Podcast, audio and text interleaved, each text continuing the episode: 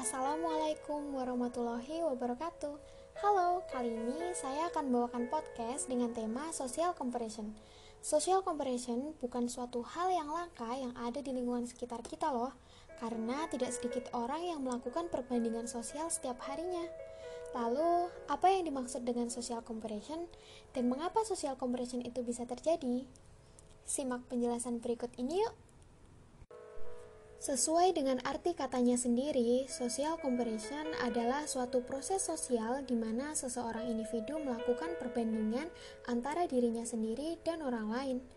Social comparison melibatkan orang-orang yang mengenal diri mereka sendiri dengan mengevaluasi perilaku, kemampuan, dan sifat orang lain.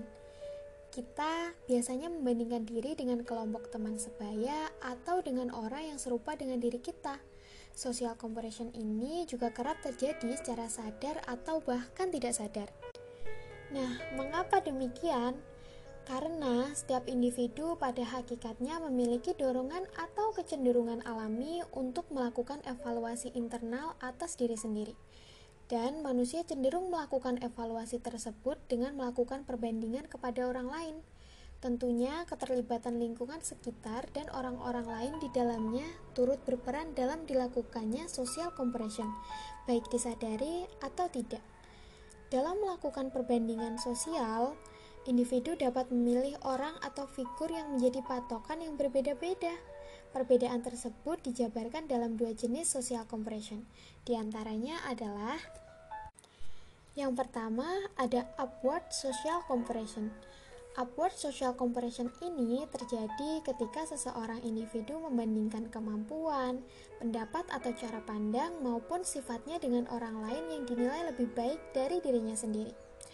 Upward social comparison fokus pada adanya keinginan atau tujuan baru yang muncul dalam diri kita untuk senantiasa meningkatkan, mengasah, atau memperbaiki sebuah aspek dalam diri kita yang kita bandingkan dengan orang lain. Membandingkan diri dengan orang lain dapat berujung menjadi positif maupun negatif. Hasil dari upward social comparison yang positif tentunya akan membuahkan motivasi dan rasa ingin belajar dan mencari tahu lebih tinggi. Namun sebaliknya, hasil dari upward social comparison juga dapat berbuah negatif apabila upward social comparison dilakukan secara berlebihan dan dipandang dengan pola pikir yang kurang baik yaitu di mana perbandingan yang dilakukan oleh diri sendiri tersebut justru membuat kita merasa atau memandang diri sendiri secara inferior. Pandangan tersebut dapat meningkatkan kemungkinan munculnya emosi-emosi negatif yang memicu depresi karena tekanan yang tercipta dari perbandingan tersebut, merasa kurang baik, merasa gagal, dan sejenisnya.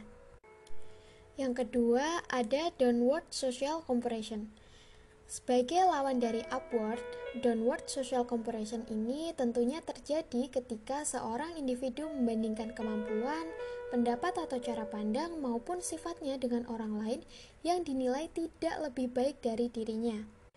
Perbandingan diri sendiri dengan orang lain yang dinilai tidak lebih baik daripada dirinya, hal ini hakikatnya dilakukan untuk membuat dirinya merasa cukup, merasa baik, atau cara pengekspresian dari bentuk rasa syukur atas apa yang ia miliki atau keadaan yang sedang ia rasakan, daripada orang yang ia bandingkan. Hasil dari downward social comparison ini juga dapat beragam. Apabila ditanggapi dengan bijaksana, dengan pola pikir positif, perbandingan jenis ini dapat membuat individu senang dan memunculkan emosi-emosi positif yang memberikan keadaan psikologis yang positif dan sekaligus meningkatkan self-esteem atau rasa percaya diri. Namun, apabila perbandingan ditanggapi dengan buruk dan berlebihan, dapat menyebabkan ketidakbahagiaan dan keresahan yang berpotensi mengganggu keadaan psikologis individu dan memicu depresi. Selanjutnya, berikut ini ada beberapa tips untuk menyikapi social comparison. Yang pertama, mengenali diri sendiri dengan baik. Social comparison muncul karena kita belum benar-benar mengenal diri sendiri Orang yang sering membandingkan diri dengan orang lain itu karena belum sadar dengan potensi yang ia miliki. Perilaku membandingkan diri ini jika berlanjut bisa berpengaruh pada sisi kejiwaan seseorang. Untuk itu, kita perlu mengenali diri sendiri dengan tahu kelebihan dan kelemahan yang kita miliki. Proses ini akan mengurangi perilaku social compression. Yang kedua, lebih memahami kondisi emosi dan perasaan. Munculnya emosi dan perasaan negatif akan mempengaruhi banyak aktivitas kita, termasuk cara pandang terhadap media sosial. Saat emosi kita sedang memburuk, sebaiknya jangan membuka media sosial terlebih dahulu, karena penurunan emosi ini apabila bertemu dengan foto bahagia orang lain akan memunculkan perasaan cemburu dan iri. Maka kenalilah kondisi emosi dan perasaanmu terlebih dahulu sebelum memutuskan untuk bermedia sosial. Dan yang ketiga, ingat bahwa setiap orang memiliki waktu mereka masing-masing. Jadi, fokuslah untuk mengembangkan diri kita sendiri. Intinya, membandingkan dengan orang lain itu nggak adil untuk diri kita dan orang yang kita bandingkan. Karena kita dibesarkan secara berbeda, hidup di lingkungan berbeda, punya bakat kemampuan yang berbeda, dan punya kesempatan yang juga berbeda.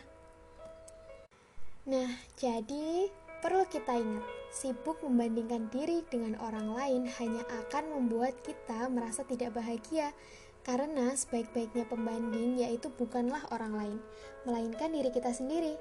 Jadi, lebih baik kita fokus ke diri kita masing-masing dan jangan lupa bersyukur atas apa pun yang kita miliki. Saya rasa cukup sekian untuk podcast kali ini.